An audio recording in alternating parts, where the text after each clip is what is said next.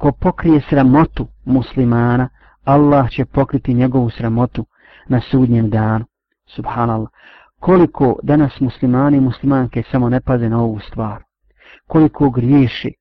Kaže ima Malik kad je u pitanju pokrivanja sramota, odnosno onih dijela ili grijeha koje ljudi rade, muslimani i muslimanke, u tajnosti, ne iznose i javno.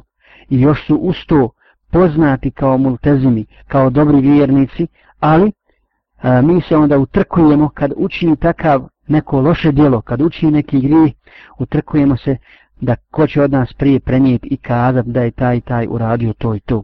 Kaže ima Malik, mi smo zapamtili ljude koji e, nisu imali mahana, koji nisu imali barem oni očevidni mahana koji, koje smo mi primjećivali, ali su istraživali mahane i prenosili mahane drugih ljudi, pa je Allah dao da su ljudi njima izmislili mahane i o njima pričali.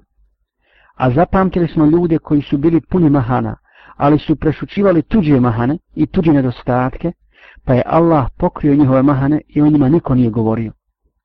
Dakle, musliman, muslimanka moraju znati da moraju pokriti samotu brata muslimana, iako ga i muslimanke, iako ga nađu, ako ga nađu u grijehu, ako ga zateknu, vidi, vidi, vidi da, da je nešto pogriješio, da li to bilo jezikom, da li bilo u srđbi, da li bilo, dakle da nađe razlog e, za njega i opravdanje i da ga posavjetuje ako on, ako ga ide